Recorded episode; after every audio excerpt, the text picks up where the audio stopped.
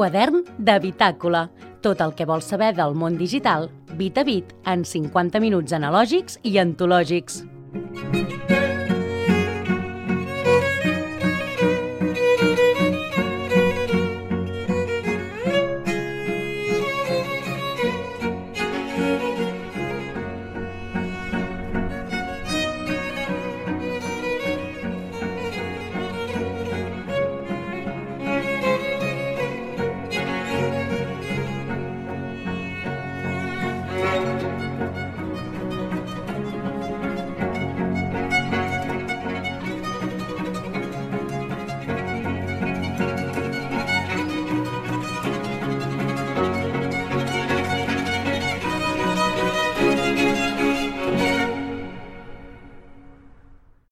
ha? Benvinguts a un mes més de lluna en lluna.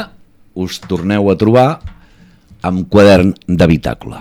Avui eh, un quadern una, un xic especial, més que res, ho dèiem abans de començar, avui potser passem de cap a, a allò de centre assistència primària a centre de referència, perquè a més del nostre doctor de capçalera, l'Esteve Ferrés, benvingut, ben retrobat, Esteve, eh, amb en Sergi, amb en David, amb en Marc, amb en Xevi i l'Eva, tindrem també eh, un altre especialista. Eh? Anem incorporant especialitats i avui ens acompanyarà en aquest quadern de bitàcola estival la eh, doctora eh, Beatriz López Ibáñez. Eh, benvinguda. Hola, benvinguda a tots. Uh, I dèiem de què parlem, Sergi, deia, uf, tenim aquí tant de tema. Eh, eh, la doctora se'ns ha espantat, diu, home, ja vau parlar d'intel·ligència artificial al primer programa, no tornem a, a parlar d'intel·ligència... Doncs igual parlem d'intel·ligència artificial, però parlem de més coses, eh, deies, parlem de salut, per exemple. Tecnologia i salut, ell en sap molt d'això i ha participat de projectes molt, molt xulos en aquest aspecte i, i a més a més crec que han compartit coses amb l'Esteve, per tant, i crec que és una de la... L'altre dia que fèiem aquelles visions apocalíptiques de les xarxes, doncs ara fem una visió molt, molt, molt, molt positiva des de l'aportació que dona la tecnologia a la salut i a la medicina, no? I, i crec que... I, i, i per què l'hem convidada? O, Home, on la vam localitzar? La vam convidar perquè en una trobada s'ha organitzat un grup eh, a Girona que cada vegada agafa més força, és el grup eh, Girona Nex, i moltes de nosaltres hem participat en algunes reunions i en una d'elles, que es va fer a la Cambra de Comerç, doncs eh, va fer una intro i en David i jo estàvem allà i vam dir, en el minut 1 vam dir l'hem de fitxar per un programa eh, és, no ens va caldre més d'un minut. Doncs ja està. Ell, ell, era, ell era excel·lent i nosaltres com a ojeadores també. I, i aquí està. que anaves a dir que érem excel·lents també en el programa. I aquí està, i aquí està. I estem molt contents que hi així. Sí. Ara, ara m'has trencat l'esquema perquè en lloc d'un centre d'assistència primària potser som un equip de futbol que anem llançant allò, eh? la recerca de, de nous jugadors. Eh, doncs benvinguda, ben retrobada en Gràcies. aquesta, eh, a partir d'ara, la seva sintonia, espero. Eh, per descomptat. Uh, I hem de dir també que, uh, com sempre, perquè això soni uh, el millor possible, tenim en Didac, que, que amablement ens ha obert les portes de casa seva i diu, va, uh, estareu fresquets. Home, bé, estem bé, estem bé. Uh, escolteu, dèiem, uh, segurament parlem molt de salut, perquè eh, la seva darrera especialitat... Jo he estat allò submergint-me i mirant a veure què havia fet, vaig veure que el doctorat l'havia fet al CSIC. Sí, correcte. I, i, i que ara estava treballant en temes de salut. I dic, i, i què té a veure la intel·ligència artificial i la salut? En aquelles coses que algú m'ha d'explicar. Jo crec que moltíssim, és a dir, la medicina avui dia no es, no es pot concebre sense intel·ligència artificial, sense tecnologia ho heu de pensar des del punt de vista de, de que la sanitat està col·lapsada i si no donem eines als metges perquè puguin fer una atenció amb, amb tota la informació que necessiten de cap de tots els pacients, amb recomanacions i amb altre tipus d'eines que permetin tenir cura de nosaltres, doncs ens tindrem cada vegada cues d'espera més llargues, més llargues, més llargues i costarà molt de, de fer-ne una volta. Per tant, és, és la clau per poder tenir una sanitat en un futur, no? com Déu mana. No sé si l'Esteve... L'Esteve i jo vam estar parlant abans d'aquest programa. Expliquem-ho tot. Sí. Eh? Ah, tot, Perquè ja... Tot, tot tampoc. Bé, força, força. No va ser una conversa telefònica una mica, una mica. relativament breu, però vam estar parlant... Escolta, i què podem posar? Diu, home, podríem parlar de patrons. Uh, dic, home, doncs em sembla bé. Jo vaig, després vaig estar investigant què vol dir l'Esteve en patrons.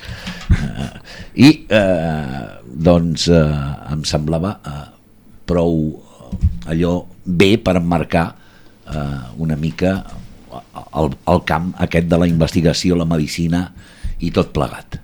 Sí, no sé, era una mica donar una idea per d'on començar a estirar el fil, no? I una idea és que des de sempre la ciència si ha fet alguna cosa és buscar un patró que li permeti identificar com és el món, no? I el que ens està dient és ara això mateix, no? Vull dir, si tu tens un piló de, de gent que està esperant al cap, molts compartiran uns certs patrons que permetran treure unes certes conclusions que són no universals, però que sí que poden arribar-se a personalitzar, però un primer cribatge, una primera ajuda als metges es, es pot fer, però el primer moment és trobar aquest patró, que poden trobar-se de diferents maneres. No? Veurem el, el, la manera en què es poden trobar, això. Però tinc, tinc una pregunta. Digues, Marc. Uh, quan parles de la seguretat social que està col·lapsada i que hem de buscar noves maneres, Ai. vol dir que... Sí, no, no, no em passaré pas gaire. N'he pensat moltes i aquesta és la més suau. Uh, no, volia dir... Uh, no, uh, ho paga...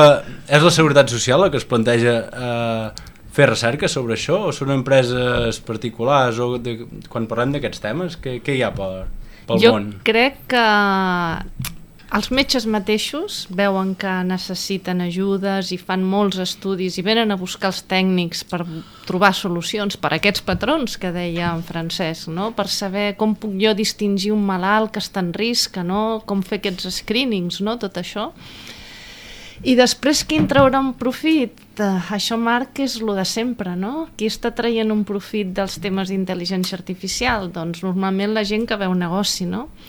Llavors, hi han eines que probablement només estaran en la seguretat social per la seva complexitat. Per exemple, si estem pensant en eines grans i com analitzar imatges d'unes eines grans, això estic pensant en escàners, tot això està a la seguretat social. Si estem parlant amb altres eines de promoció de la salut, de malalties mentals, de coses que no necessiten una infraestructura tan grossa darrere, segurament és molt més fàcil de privatitzar. Així hi ha, hi ha una part de la seguretat social que busca aquest canvi, diguéssim, també tecnològic o no? Mm, els clínics, sí.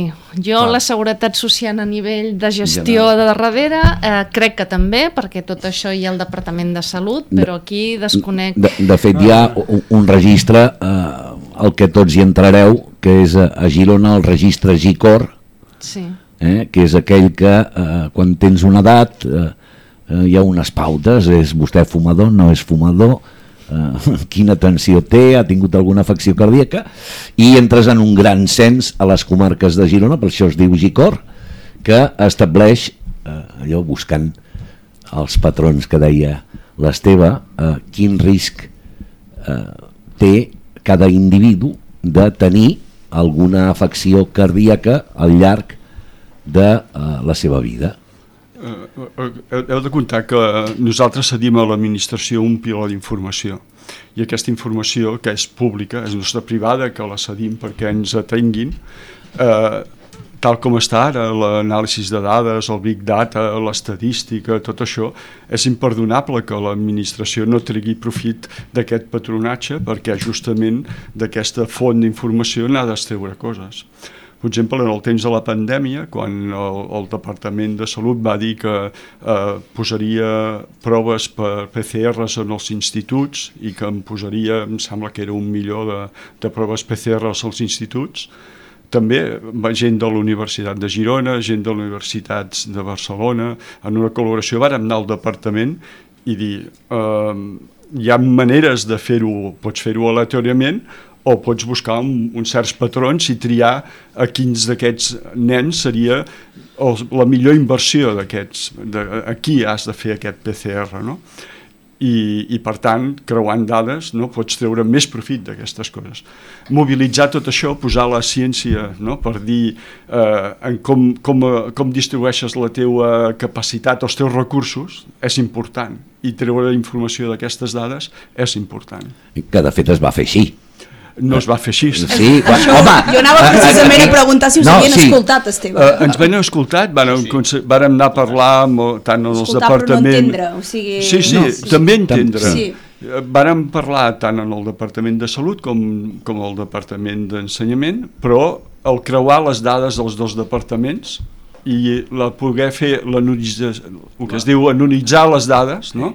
de manera que poguessis eh, entendre quina capa social o quin, quin grup d'edat o la gent que estava fent transport, la gent que, que vivi, tenia convivència o que tenia més d'una família parental, coses d'aquestes per poder crear, creuar i veure si hi havia realment algun patró a dins de la part de Covid no? i de propagació de Covid al, al, als instituts, no va ser possible creuar les dades perquè hi ha una part de privacitat, d'intercanvi, no? Clar, que, és que va ser voluntari. Ho dic perquè a l'escola del poble es va fer el programa Sentinella. Eh? Tots els sí, sí, pares que tenen criatures ho saben. Vam ser molt eh, poques escoles de Catalunya. Molt poques escoles de Catalunya i el, el problema era que el programa Sentinella era voluntari, és a dir, que els pares podien decidir si clar, ja, havia, eh, els fills hi havia, volien... Clar, uh -huh. clar, és a dir, si hagués estat allò eh, universal, possiblement però és que si s'hagués aconseguit anonimitzar totes les dades, llavors hi hauria una base de dades molt més potent que no passi l'has de començar a crear de nou en base a la legislació de la, de la llei de privacitat de dades, no? Uh, suposo que et facilitaria molt la vida a l'hora de fer estudis si es pogués anonimitzar tot el que ja es té. Sí, però amb això de l'anonimització de les dades estic d'acord, no? Però també hi ha un problema que en aquests patrons tenim riscos. Per exemple, va haver un moment, i en el CIDIA, per exemple, que és també d'on te recullen totes les dades de primària, una forma d'anonimitzar-les és que te les donen agregades. Clar. Tu d'allò no pots treure informació. Llavors, quan més ric tens la informació de les persones, pots aprendre patrons millors.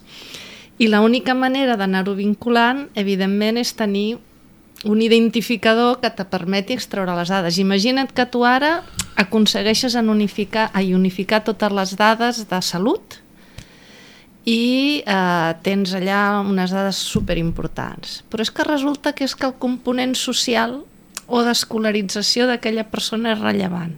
Si no tens el link que et permeti connectar-lo, pues això t'estronca en un futur enriquir aquests patrons. Evidentment, han d'estar anonimitzades, eh? sí, sí, però sí. faltaria trobar-hi un mecanisme perquè si tu prens un model el poguessis ampliar després amb més dades. No? De, de fet, lligat, lligat amb això que, que parleu ara, l'administració és especialment recelosa i s'entén eh, des d'un punt de vista sí, de privacitat, només faltaria el contrari tampoc no ho entendríem i no ens agradaria eh?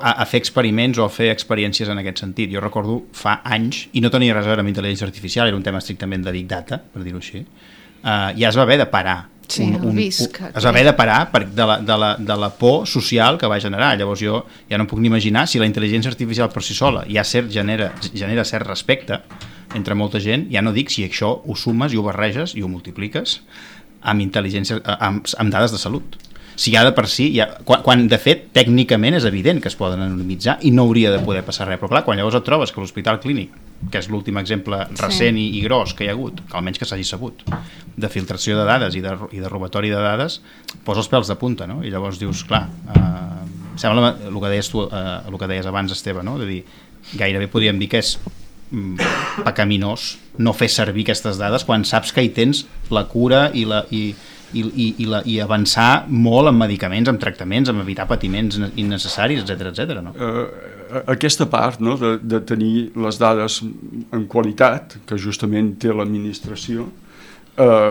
seria un estalvi. No? El, el, el, com, fas en el, com fas en el balanç de treure aquesta informació? També en, en part del grup que estàvem treballant també en el grup de Sentinella, jo vaig, vaig participar en el grup de Sentinella i vaig estar en les reunions del grup Sentinella, eh, també hi havia un grup que interessat en veure quina purga, purga podies fer de totes les dades, perquè per certes coses tot aquell arbre d'informació no té informació i, i per tant eh, aquell arbre tan gran d'informació es pot esporgar i, i hi ha mètodes matemàtics per veure que allò no està correlat i pots esporgar i, i, i orientar molt més aquestes coses. Uh, per tant, les eines hi són, el que passa és que són la primera vegada que estan a sobre la taula i ningú s'atreveix a, a, a veure encara com s'ha de disseccionar o, o com a fins a quin punt estan els límits. No? I també la part ètica de qui estarà fent servir aquesta, aquesta informació. Però en totes les previsions, en totes les previsions i cures i supervisions que calguin, eh, aquest punt és el que també comenta la Bea, de que eh, això pot millorar el sistema de salut, no? I, i de certa manera eh, s'han de tenir les dues coses a la balança, no? Estem, estem parlant d'un tema molt concret, que és aquest projecte Sentinela i tal, i de, i de dades i de dades personals, però amb, amb juntar tecnologia i medicina també no ha de ser només dades personals, sinó que poden ser imatges, poden ser moltíssimes coses més.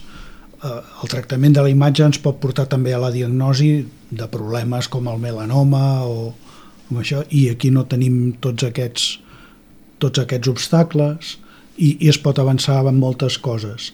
Eh, aquest matí, aquest matí em trobava amb els passadissos del parc tecnològic perquè a vegades no ens donem compte del valor que té i et trobes pels passadissos. M'he trobat un altre doctor. Avui és el dia dels doctors. Tu. Està bé, està bé. Estem salvats. M'he trobat un altre doctor que és un gran expert en, en, Rafael, Garcia, sí. en Rafael Garcia, és un, un expert en tractament d'imatge i estan ajudant al diagnosi a la diagnosi de, de, de problemes com el melanoma a través de la imatge i hi ha un, un adelanto molt important. Sí que ens trobem sempre el problema de les dades personals i amb el primera vegada, que és el que passa sempre amb la tecnologia i les primeres vegades. La primera vegada de la intel·ligència artificial, la primera vegada que es clona alguna cosa, la primera vegada que... Però tot s'acaba normalitzant i al final, tu deies amb el programa pilot, es democratitzen les coses, em va agradar molt, es democratitzen les coses i es normalitzen i llavors decidim si una ciència la fem servir per fer armes bacteriològiques o per fer vacunes i curar una pandèmia i no hem tingut no, que fer cap es farà, gran, es farà no servir per les dues coses. Gran congrés. I és inevitable. Sí, sí, I, sí. I encara una cosa que és més propera, per exemple, estem en un projecte que és per fer recomanacions personalitzades per persones que padeixen TDAH, no? la mm. síndrome d'hiperactivitat, no? Llavors, resulta que si tu segueixes les guies clíniques i mediques d'acord amb les guies clíniques, doncs pots trobar-te l'exemple que jo sempre poso il·lustratiu per entendre-ho, que a una noia adolescent li dones un medicament i efectes secundaris que diu engreixa. Què fa aquella noia? No sap. No s'aprèn. En canvi, tu dius, a veure, de tots aquests efectes secundaris que poden tenir els tractaments, quin voldries, quin no voldries. Llavors això es pot estar xuclat per dins pel sistema, recollir tota la literatura que hi ha publicada sobre tractaments de TDAH en què aquella persona doncs, entre 11 i 15 anys podria haver estat eh, associada en aquell estudi clínic i aleshores doncs dir-li mira, doncs jo recomanaria també amb la informació del metge, això ho veu el metge, evidentment no ho veu la persona, diu, doncs per aquesta persona tindries aquest, aquesta col·lecció o aquest rànquing de medicacions, no? i llavors potser el metge pot dir, a veure, jo li recomanaria el primer que em dius, però amb una eficàcia d'un punt menys, del 99 passem al 98, hi ha aquest altre fàrmac que no té els efectes secundaris que no vol aquella persona què estem fent aquí? Estem fent la medicina més eficient si amb aquest canvi aquella persona seguirà el tractament. De, de fet, estem fent la medicina, és a dir, eh, el coneixement antic diu que eh, el tractament no pot ser mai generalitzat, sinó que ser, ha de ser individual. El que passa que per raons d'escala segurament la societat ha anat a buscar el tractament generalitzat, que és el més fàcil, però, per exemple, medicines com la xinesa, que tenen 3.000 anys d'història, el tractament és personalitzat, individual. Molt bona amb herbes, amb, no amb agulles... Sí, sí. És, és així. Bueno, és, és el mateix que quan es parla del màrqueting. Quan, quan s'ha pogut fer un màrqueting 100% individualitzat? Quan s'hi ha aplicat tecnologia. Sí. Però els sastres ja feien trajes a mida tota la vida. Passa que si tens un milió de clients no li pots fer un traje a mida a cada client. Al final el és la que, mateixa idea. El que sí que potser la gent, i ara parlant des, de, des del desconeixement, des de la gent que no té aquest coneixement de tecnologia, no? potser no, la gent no és tan conscient de que la tecnologia s'està aplicant a la salut. O sigui, sí que sabem que s'està aplicant al màrqueting, a, a les empreses, a molts altres àmbits, i potser a la salut no s'ha sabut comunicar tant que s'hi estava aplicant tecnologia o que certes dades o certs estudis es, es fan per, per, doncs, per treure unes dades, no? per millorar. Vull dir, que potser ha, ha mancat una mica no? aquesta comunicació.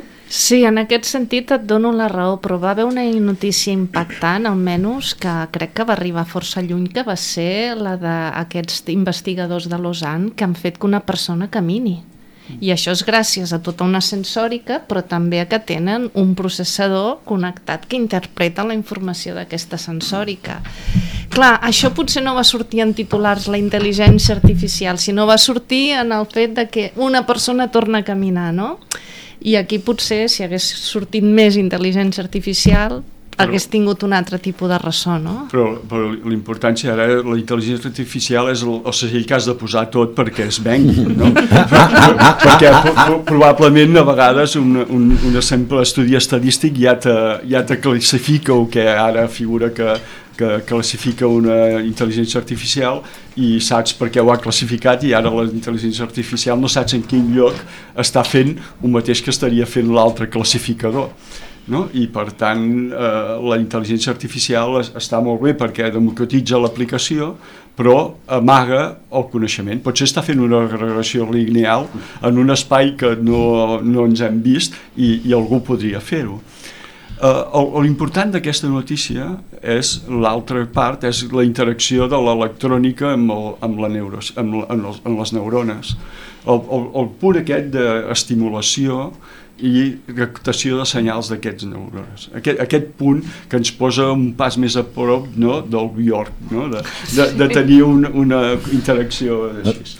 Que de fet no és nou, no, Esteve? Uh, bueno, és nou. Ho dic jo, perquè jo... amb gent que uh, hi he conegut persones Oïda. que tenien problemes d'oïda i que els hi posaven un sensor fora sí. uh, i electrodes a dintre no? i que recuperaven l'oïda. El primer cyborg oficial a Espanya reconegut ja existeix és un noi que porta un, un, un, ah, sí, un pinganillo aquí enganxat a sí, front en un 30 minuts i ha, ha sigut reconegut sí, sí. com el primer uh, cyborg. Sí, aqu aquestes bars jo les vaig viure el 85 al Centre Nacional de Microelectrònica que un dels primers projectes que havia era com fer una, una electrònica que interactués en una neurona i, i d'aquell 85 fins ara que, que realment ha passat ha, ha, ha passat el seu temps però Uh, però però això, això és el començament no? hi, ha, hi ha un altre començament aquí també que, que està escrit des dels grecs que ja feien servir electricitat per tra tractar malalties i feien descàrregues de mantes elèctriques contra gent que tenia Parkinson per, per aturar i de fet en un lloc on havia treballat abans, que és neuroelèctrics, estan tinguent les primeres proves d'estimulació eh, cerebral per evitar eh, atacs de Parkinson no? i també per, per també eh, modular el funcionament del cervell. El, el fet aquest de que l'electrònica i la medicina no, acabarà i podem interactuar entre el cervell i, i l'electrònica i podràs tindre un, un feedback entre això, ens obrirà una altra manera de tractar malalties, no? que fins ara no està que no s'ha plantejat i, i això serà el començament d'un altre tipus de medicina probablement. El, el que parlàvem deies abans i ara pregunto a tots eh, una mica per aquests aparells que recordo i tal eren un, entenc que devien ser estimuladors de l'àrea de Broca i de Wernicke i tal per, per, per, per temes de, de, de, de la parla, no? No, no eren neurones, entenc. No, no, no, no, no, no eren, eren estimuladors d'àrees, uh, uh, estimulaven una àrea determinada del cervell, sí. que era la del llenguatge, que s'està fent actualment per lo que... Jo, relacionat amb tot això i, i preguntant des del total desconeixement, ara crec que és un bon moment per preguntar-ho que hi ha a la taula gent que ja entén, uh, perquè jo crec que tots sentim a tocar campanes, o si més no a mi em passa, eh, sobretot ara que s'ha ficat de moda la intel·ligència artificial i des del màrqueting sembla que ens haguem tornat bojos i sense... Bueno, des de tot arreu, però els del màrqueting el doble, crec. Uh, vaig llegir un article d'uns estudis que es feien uh, en base a estimulació neuronal que ensenyaven uh, imatges i eh, recollien el, el, la reacció que tenia el cervell i ho tiraven contra una intel·ligència artificial i amb això, eh, amb això l'entrenaven i en base a això acabaven eh, sapiguent de mira, ara li han ensenyat una fruita, ara li han ensenyat un cotxe, ara li han ensenyat un animal que això arriba un punt que fa, fa por, no? perquè dius, eh, eh, eh arribant, eh, podrem arribar al final, quan aquesta tecnologia estigui super avançada, a que et llegiran el cervell els pensaments. És cert, és cert. Ara fa poc, fa, no fa encara un mes, un, es va llegir una tesis doctoral a Girona dirigida per en Gustau Pató eh, sobre aquests temes.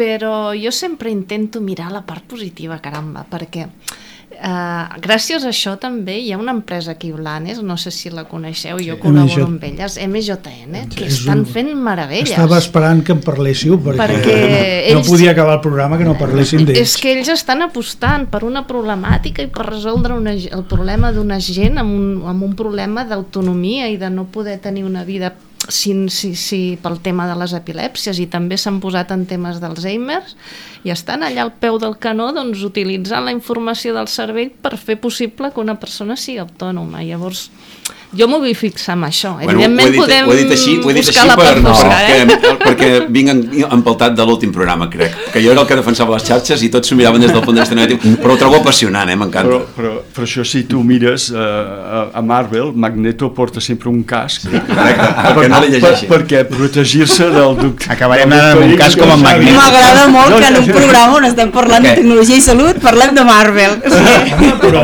però és, és... De, de, de fet, no és res eh, estrambòtic. Eh, més enllà de Marvel hi havia el Jules Verne que va pronosticar home, fins i tot com seria el món al segle XXI no, no va encertar moltes coses però moltes sí. Clar, i dius, eh, sempre hi ha eh, un dibuixant de còmic o, o un explicador de contes que ja ha pensat en... té visió de futur. Molta més visió de la que potser nosaltres eh, podem arribar avui a concebre no?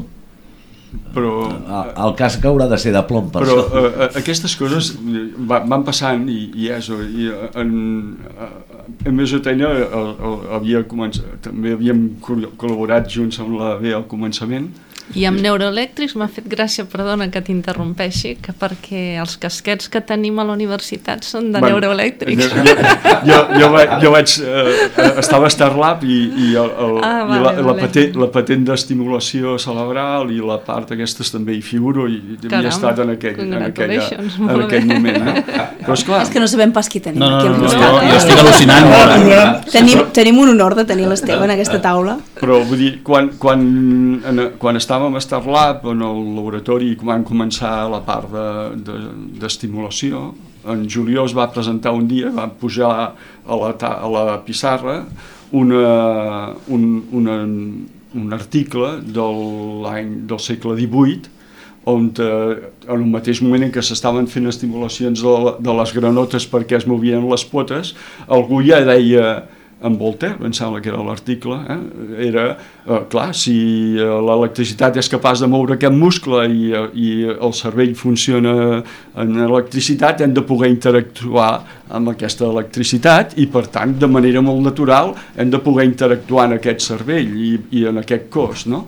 I per tant el que estem veient és que sí, que eh, eh existeix una interacció que podem llegir uns patrons, que aquests patrons eh, MJN li permet no poder avançar que està a punt d'aparèixer un atac epilèctic i per tant pots prendre mesures abans de prendre mal i, i, i també eh, pots eh, modular no, el, el funcionament del cervell perquè sigui més fàcil l'aprenentatge o puguis calmar o puguis mirar una altra cosa. Tots aquest, aquests fils eh, obren el, sempre el camí de la por, però un altre costat és que tota la part de millora que, que algú que no hagi d'estar aprenent, que resulta que si trobes una camí, un camí que, que sigui inocu perquè has fet una estimulació cerebral durant X hores i allò t'estalvia de canviar-te la bioquímica perquè t'has pres no sé quantes medicaments, eh, els dos camins seran molt diferents. Mm. Hi ha altres perills, ja que has mencionat un costat fosc. No, no que... els ho diguis. No? no, no, ara els volem saber. Va, ara, sí, ara sí, ara ho volem saber. Per, per cada negatiu n'has de dir un de positiu. No, perquè vam estar en un projecte d'insulina, de la gent aquesta que es bombeix insulina automàticament i tal, i llavors aquí el problema del fabricant era protegir el mòbil que controlava la bomba d'insulina, perquè si tu amb el Bluetooth li fas un atac i amb una persona en lloc de dos dosis d'insulina li poses 100, mates a la persona i no saps si ha sigut algú d'aquesta taula que li ha piratejat el mòbil. Però no cal el mateix cervell, eh? risc que si algú et vol matar i que compra una pistola i et dispara també, pel carrer. Vull també, dir que al final, si, si la voluntat hi és, trobaran aquesta manera on trobaran una no, altra. No, I saps qui és, eh? És a dir, no, clar... No, de gent pensa, tenia molta, pensa, de bona també. Que l'efectivitat és més aquesta que no la d'anar amb una pistola, eh, perquè a través d'un pilateig eh, en lloc d'un eh, pots carregar-te en 100. Clar, entenc que mil. referia més un tema de responsabilitat, no? on has de ficar el foco eh, més enllà de la tecnologia en si, diu, vale, pues, ja tenim aquesta debilitat que l'hem de cuidar. No? Però... Bueno, que no, han de, no hem d'anar a buscar que perquè el cervell és el més intel·ligent és el que puguem fer més mal, sinó no, no, que n'hi ha no. altres tecnologies no, no, molt fa, fa més senzilles. Que... Eh? Tot, tota tecnologia es pot utilitzar per fer el bé o per fer el mal. I més jo crec que serà, no és que serà, és que sempre ha sigut així. Clar. No, si no, sí, sí. Oblidem, és condició humana. És condició humana, i fer el bé, ara no ens posarem, no ens posarem eh, cataplàsmics, però és el bé. No, no, no, al final. Sí. El que hem de posar en una balança és quin pes té Eh, no, i sobretot, de les... sobretot el, el cost, i... el cost d'oportunitat de no fer-ho. Exacte, final... perquè precisament has parlat d'un col·lectiu que trobo que la tecnologia els hi ha canviat la vida i Exacte. hi ha molta gent diabètica, no? I cada vegada més veus la gent que porta l'implant al braç, que porta el caset, que tal, i dius, ostres, tota aquesta gent tenia una vida bastant penosa, no? Es tancava els lavabos a punxar-se, o sigui... Pendents de la nevera que no s'acabés la dosi d'insulina... Exacte, pendent de tu, de notar-te una baixada, una pujada, un sobret de sucre no, al bolso, no. o sigui és, és un col·lectiu que... Totalment d'acord, i aquest cap de setmana he estat amb un noi que és diabètic i anava amb, la, amb el seu pagat i anàvem d'excursió i jo li deia, què vols una fruita? I diu, a veure, deixa'm veure. No, estic bé. I ja està, no havia sí, sí, sí. De, de, de saber si... Perquè, clar, fent exercici els hi canvia tot, no? I és un, tenia supercontrolat tot. Jo, jo un, un company que surt amb mi en bicicleta, a vegades, al principi, quan no el coneixia gaire, anava sentint un sorollet, allò, uns, com uns, uns sorollets electrònics, no? com un dispositiu, i pensava, això és el GPS nou que té i li dic, dic, aquest GPS que portes et fa molt de soroll diu, no, diu, és el dispositiu que em controla la, la insulina ah. jo, jo una de les coses que més m'ha agradat d'aquests projectes no és només la part que es veu més que és aquesta sinó que precisament ara que tenim experts en patrons i en, i en processos hem repensat com aquest malalt es comunica amb el seu metge, com es programen, és a dir, crec que la tecnologia no s'ha de conformar només en fer coses ben fetes tecnològicament, sinó que ha de ser transformadora. I el d'aquest noi és transformador, perquè no només li dona una lectura de la insulina, no, no, no, li dona la llibertat d'anar d'excursió i decidir si es menja la poma, que per mi està no més important que l'altre, per l'altre ho fèiem mecànic i ara ho fem automàtic, però el que és fantàstic és que no li, hem, no li estem dosificant una insulina, li estem donant llibertat i això és fabulós. I no l'estem classificant, I no si és diabètic exacte. o no és diabètic. Ell fa la mateixa vida que fem nosaltres, hem normalitzat un problema com la diabetis. I això és el que a mi em meravella de la tecnologia, saps? Això és la, sempre la segona lectura que crec que hem de treure de la, a, de la tecnologia. Que a banda, eh, i, i incidint en el tema de patrons, una altra part de la ciència està investigant eh, mètodes per eh, no arribar a l'extrem de d'haver-te de punxar insulina, és a dir, eh, hi han diferents camps que estan intentant reduir el nombre, a banda de les recomanacions d'una vida saludable i una alimentació sana, eh, doncs eh, investigacions per evitar que s'arribi a unes diabetis eh, eh, més greus. jo, jo ja que us tinc aquí, Ai, ai. que tinc Si no marxem encara. que La gent no ho veu, però ha tret el mòbil i està llegint alguna cosa. No, tenia la lluna, la lluna plena tenia. Sí. De lluna en lluna. No? de lluna en lluna tenia. No, no, no, no, és, és que tenia aquí unes... Deixeu-me buscar exacte. Amb el món dels els patrons eh, estan lligats al pensament, entenc jo, no? És a dir, hi ha, hi ha una sèrie de patrons que tenim, eh, que tenim com a humans.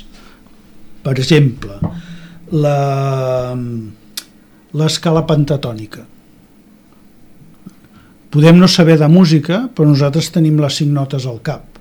Recordo, mira, la, la cançó del final del programa podia ser el Bobby McFerrin perfectament, però en volem una en català. Volem una en català. Però un congrés mundial de ciència... No, no és l'últim programa, si Déu vol. Bueno, ja tindrem el, el, Bobby, el Bobby McFerrin en un, programa, en un eh, congrés de ciència es va posar allà a saltar amb l'escenari cada salt era una nota i en dos minuts estava fent que tot l'auditori que tot l'auditori que venia de cultures i de, i de, de llengües diferents. no podien sí, haver sí, sí. cap patró, és a dir, allò està amb el cervell de l'homo sapiens, eh? tots estaven cantant el que els deia Bobby McFerrin. És fantàstic aquest tio. Va, seguim... no l'hagi vist, aquest vídeo està a internet. Està val a la pena internet, de eh? Veure'l, sí, sí. eh? perquè és un Eh, espectacle. el, el vídeo està a YouTube i es diu, busqueu Bobby McFerrin i el poder de l'escala pentatònica i us sortirà. Bueno, segurament si ho poseu en castellà us sortirà més fàcil perquè el cercador Sí, en perquè català... Google passa del ca- català. El català Últimament el Google i eh? el català com, com el culo. Uh, ho dic en castellà perquè lo entienda. Exacte. Uh, Ja ho entenen, en castellà, el rei. Eh, doncs Bobby McFerrin tal. El- els És a dir, en Rusca l'escala igual els pentatònica emprenyem la una tenim, és una d'aquelles certeses que tu deies que són com eh, la gravetat o com que l'aigua bull a 100 graus i tenim una sèrie de certeses. Sí, però, però, però és que aquesta part eh, que, que dius que tothom ho fa, eh, hi, ha, hi ha una part perquè la música europea té, és aquesta pentatònica, però hi ha altres pautes a altres músiques que no són així. Però la, el que sí que té la capacitat de, humana és de buscar el patró. Tu, el, el, el, tot, tot el sistema auditiu, tot, està buscant quina és la següent, la següent repetició. Vull dir, nosaltres no podem viure en un entorn en què és caòtic. No podem viure abans de que en tot, qualsevol religió se separa la llum de la foscor i, i es crea el dia i la nit i es creen uns patrons. Vull dir, és, és el, el primer de tot. Llavors nosaltres hem de saber si dintre de 5 minuts ens, ens, el lleó eh, s'aixecarà i atacarà o vindrà un altre element. Per tant, nosaltres, tot el nostre sistema està eh, preveient els, els 20 segons que venen següents. I, I per tant, el millor que podem fer per relaxar-nos és que hi hagi un patró que ens permeti saber que no, que no hem d'arrencar a córrer ara mateix. Però jo això és ancestral, no, ja? És a dir, això és ancestral. No sé com ho veus. Bueno, jo aquí no... Dic, no de, des a de que mi- vivíem amb coves, no? Jo això no ho sé, la veritat. A mi el que m'ha recordat això dels patrons és que no hi ha patrons universals. Vull dir, això de la música sí que és cert que totes les civilitzacions, no? Però en medicina, per exemple, un dels problemes que tenim i estem treballant per adaptar-los és que a vegades utilitzem eines que han estat obtingudes de patrons d'una població americana.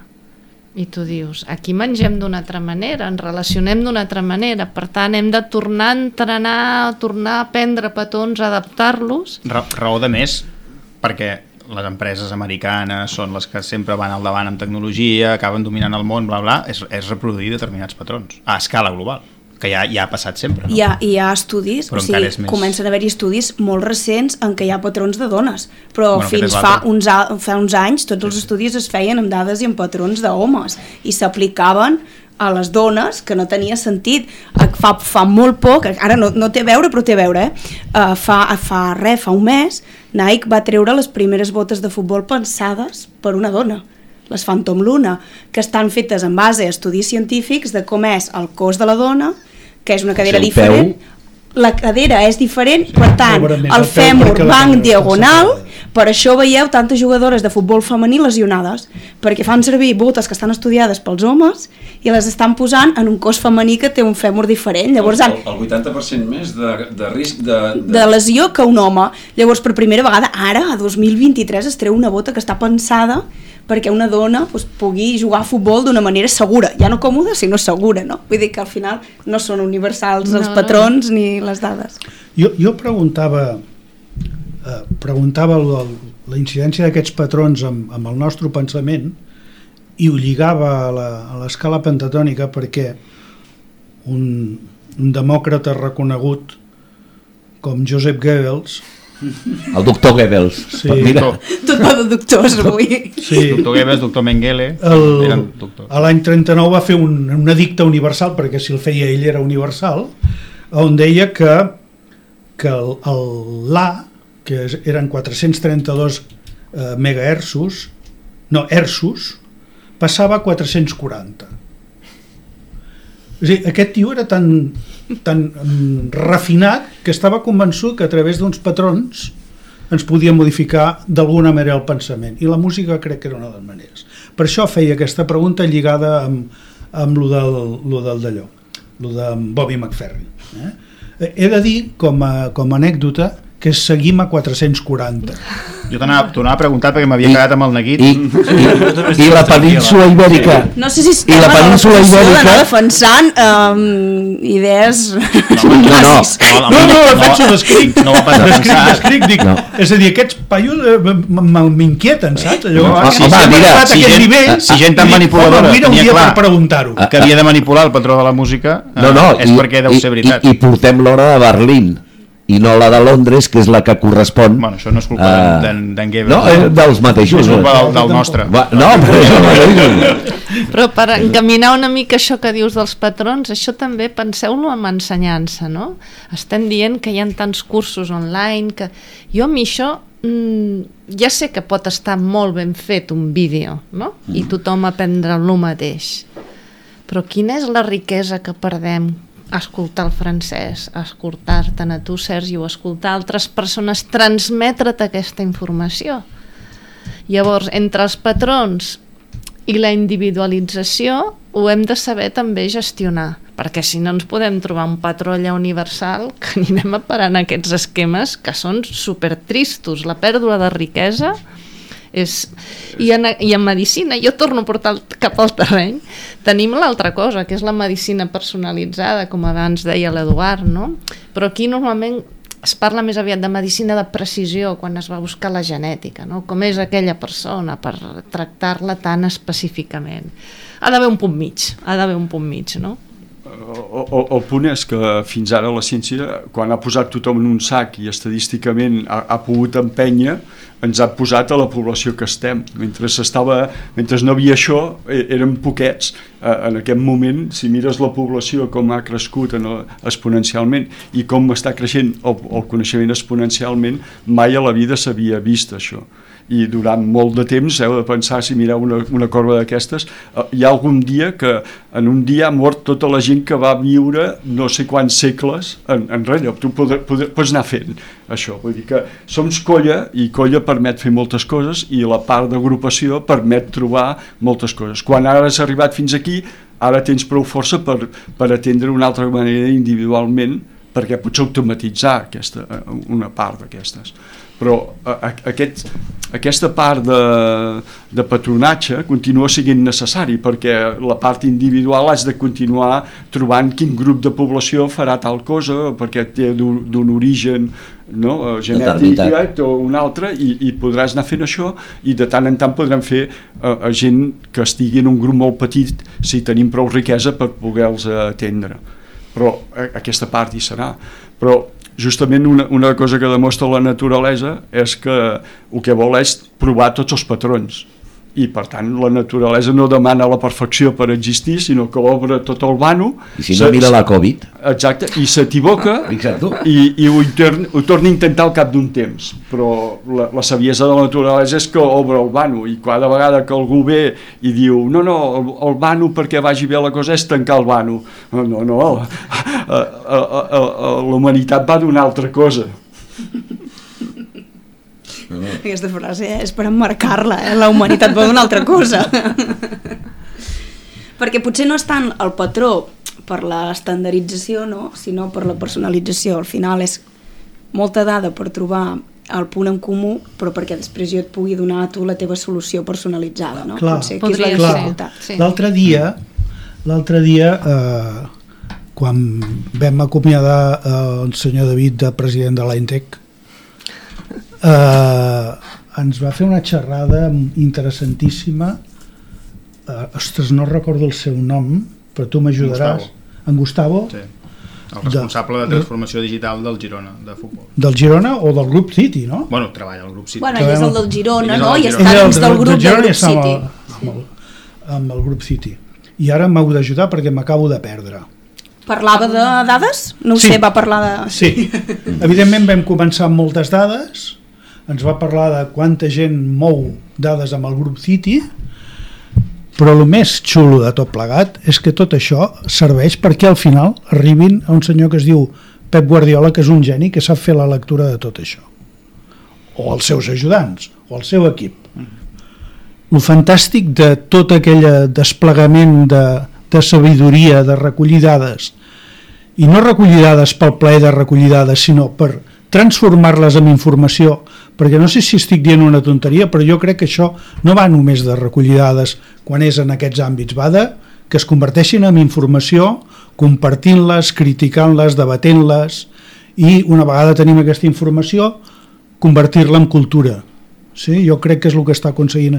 El grup City està convertint la dada en cultura corporativa. No? Però al final de tot, qui hi ha són persones, amb criteris, que és el que ens estava passant també amb el món de l'empresa. Escoltin, jo vull 200.000 KPIs per quan acabi i tal hagin implementat l'ERP 200.000 no. KPIs. No, Ara- vostè necessita 3, és així o no, Ara- Marc? Sí, sí, sí. Ara, En necessito 3, no necessito Perquè hi 3.000. haurà darrere que els llegeix. Exacte, Clar, ara- perquè necessito algú que, que necessita aquells 3 KPIs, Ara, Sergi no 3.000. i Marc, igual us poso un compromís, però què hi teniu escrit a la sala de reunions? Uh, sí, nosaltres tenim bastant sacralitzada la dada. Clar, és que quan has dit això, dic, home, vosaltres a la sala de reunions a Glam i teniu una cosa Sí, a la paret, sí. ara jo no seré, cap, Sí, no seré capaç de recordar literalment. Sí, sí. deixeu-me deixeu que, que defensi un moment el tema. No, no, sí, jo no, ho dic, ho dic perquè... Sí, aquella frase, és- és aquella la- frase és la- està la posada... sintetització està posada. Però digueu la frase que la gent no la sap. La, la nostra, nostre un sala de reunions diu que si no em dones dades ets una persona més que opina. Estem parlant de que és una frase, ara no recordo aquí, no la vam dir nosaltres, i en un estadi inicial l'ERP el que necessitava era trobar dades, consolidar-les i que fossin fiables. I un cop tens això... I un cop tens això, ara estem donant el nou salt, però aquell senyor ja ho va dir i nosaltres ja ho vam gravar a la paret i si mirem, no sé, gravats de Pompeia diran coses que són anacròniques perquè estan gravades en parets de Pompeia. Reconec que la nostra frase és anacrònica. Reconec que aquella frase és d'un moment donat de la història de les dades. No, per què? Però jo crec- anacrònica, jo crec que no és no, anacrònica. no, no, li concedeixo. No, jo la seguiria posant, perquè mostra un moment de la història, però crec que ara anem més Però és que allà. crec que el que dius és molt important A- amb el, amb el tema del xat GPT que ha sigut Gràcies com la, eh? la revolució Home, jo si no, no ho hagués Oh, és que tret. ens trauran la feina, és que ens trauran la feina. No, és una eina més i darrere hi ha d'haver-hi una persona amb un criteri que l'apliqui cap aquí, cap allà o cap allà. Sí, sí. No, no, et donarà un altre tipus de feina. Però- és a dir, T'ajuda, és una eina. O Però sigui, to- tornant a un dels patrons, si la dada que te donen està esbiaixada, el, la teva conclusió serà Serà esbiaixada, és així. Bueno, per però- tant, la, la, la, el començament comença en una bona dada. Sí, sí. Després, l'altra cosa és la creença. Jo crec tal cosa. I això després veu... A- Abans de la recollida de dades, una bona pregunta. Jo Una- eh, sí. Sempre No. dic que no hi ha males respostes, sinó males preguntes. Sí, no, no, però- però en aquell moment era una bona recollida de dades. Però- eh? Hem anat progressant, eh? És a dir, abans s'introduïen malament dades i alguna empresa de, de, que venia discos d'ordinador que té nom així com de pel·lícula de l'oeste. No direm el nom de la companyia però és Oeste Ah. alguna així. Eh, estaven convençudíssims que estaven guanyant molts calés i tenien una divisió que estava perdent calents a mans plenes i feia més d'un exercici. Doncs la culpa és que estaven introduint malament unes dades amb, la seva, amb, la, amb el seu RP i van viure 6 anys sí que en aquell moment era un problema de, recull, de bona recollida de dades. Ara que hem consolidat bé això i ho estem fent bé, ara és quan hem d'anar a l'analítica però, però Sergi, la, i a la les reflexió, conclusions. el que, el que, la, la meva reflexió, per això citava la frase aquesta que teniu a la, a la paret, a la sala de reunions, és que un cop ja som capaços de recollir bé dades, de fer bones preguntes, etc, el factor diferencial serà en la interpretació d'aquestes dades. exacte. I això, Exacte. home, esclar que ho poden ajudar, ens poden ajudar a fer-ho les màquines, però és un, és De un talent més humà. De totes maneres, les dades en salut són sempre un problema perquè heu de pensar, ara potser amb les eines de mineria de text i tot això millorarà, però no són dades sempre que tens camps que poses Sí. sí. valor, sinó que tens textos, no? Aquesta persona ha entrat d'urgències amb aquests símptomes, bla, bla, bla, i ha acabat amb això, això no són dades estructurades que se li diuen. Però això teniu la I No, perquè- amb la codificació mèdica això us ajuda una mica. Sí, però hi ha, però hi ha, tampoc, hi ha no, programes al final, que perquè fan. el diagnòstic també pot ser erroni, és a dir, al final el que ha entrat és un facultatiu que amb una sintomatologia i alguna analítica fa un diagnòstic que pot ser cert o pot ser incert. Però no es classifica aquesta dada de cap manera estandarditzada? A veure, hi ha, hi ha una part, sí, no, no, hi ha una part que sí, però hi ha una part textual abundant que està subjecta a el que diu l'Eduard a la interpretació, a, a, o sigui, no, jo vaig estar en un estudi clínic fa molts anys que al final es van descartar les dades que havia recollit una persona perquè era molt diferent a la de les demés. És, una, és un exemple no, de lo que hi ha a, a, a tot aquest munt de dades que hi ha a la sanitat. I l'altra cosa és que encara hi ha problemes eh, de recollida de dades perquè, per exemple, vam intentar fer un estudi del tema d'urgències i qui et diu, quan tenies un, un, unes prediccions, dius, bueno, clar, però jo no sé si aquesta persona, en lloc de venir-me a aquest hospital, després se m'han anat a un altre, o després se m'han anat a... Llavors, com has de fer la bola de grossa? A nivell català, a nivell de com, no?, per saber que tot ho tens recollit. I el Covid ens ha fet molt de mal, perquè la gent s'ha anat a la privada. Llavors aquí no, sí, mal, perdoneu l'expressió. No, no, mal en evidentment. eh, de, de que les dades ja s'han perdut eh, una mica la traçabilitat de certes eh, individus, no? Llavors aquí eh, la qualitat és En important. tot cas, doctora, ho estem fent bé perquè eh, tinc uns amics que viuen a París, eh, eh, els dos treballen en una multinacional i tot just ara França està, eh, els hi ha encarregat una feina que és eh, fer el Meva Salut per tot França. Uau, I- i a Alemanya estan felicitats. igual, o pitjor. Sí. Estàvem, estàvem dinant l'altre dia i els hi vaig dir, home, jo ja et deixo la meva, la mires i, i pots eh, fer una mica... És a dir, eh, a vegades ens pensem que anem molt enrere, molt enrere, molt és que- enrere, No, no, no, no, i- no, problema. no, no, no, no, Eduard. Eduard. Això, Jo, jo crec que hem de... de em, seguint amb això, fins ara, fins ara, tampoc estamos tan mal. No. I torno, torno, a dir, fin, torno a dir fins ara. Estàs parlant Per, del 23 per si algú... Virgencita que me quede como estoy. Fins ara, tampoc estamos tan mal. No, el que passa és que després has de veure que el que estàs fent no us vulguis una precisió de lo que puguis, Per- per- el del patró del 100% Per- perquè tindràs aquests petits errors. to, no? torna a ser la part de ciència. La ciència és, una, la ciència és imperfecta i, i tothom sap que el que diu és vàlid avui, demà no ho serà i, i, i per tant eh, es, hi ha unes coses que consoliden i per tant des de la imperfecció no? que tu saps que aniràs progressant hi haurà branques que quedaran escapçades perquè estaran malament i, al, i ajudaran a que les branques que estiguin bé eh, creixin, no? perquè s'estalviaran d'haver fotut la pota fins a dalt perquè algú haurà triat aquella banda. Però aquesta part de tenir dades, trobar els patrons, de eh, fer unes hipòtesis, contrastar-les, el mètode científic no? A, ajuda a atacar aquesta part de les creences o el jo crec o totes aquestes parts. Vull dir, la gent eh, de, dèieu així, que coses que corren pel parc, no? unes, quants, unes quantes habitacions més enllà, unes quantes... No? Tenim un altre que diu eh, a l'església creu el que vulguis i aquí només cregui el que surt del, del, test pla, de, del teu de la teva... De la, dir, tu pots creure sí, sí, que és del, és del, però, és l'autor és el mateix però, de la... però el resultat de les dades, el resultat és, és serà el que serà del test. No? Exacte, no, no sabeu qui és, però deduïu que és, és el mateix. mateix. És el mateix, De, de los, entre una i l'altra. de los creadores de... De los creadores de... Sí. Doncs escolteu, mira, ja ens sap greu, eh? Que, que em penso que fins i tot ens hem passat, perquè en Didac m'estava fent allò, les mans en l'aire, mans en l'aire.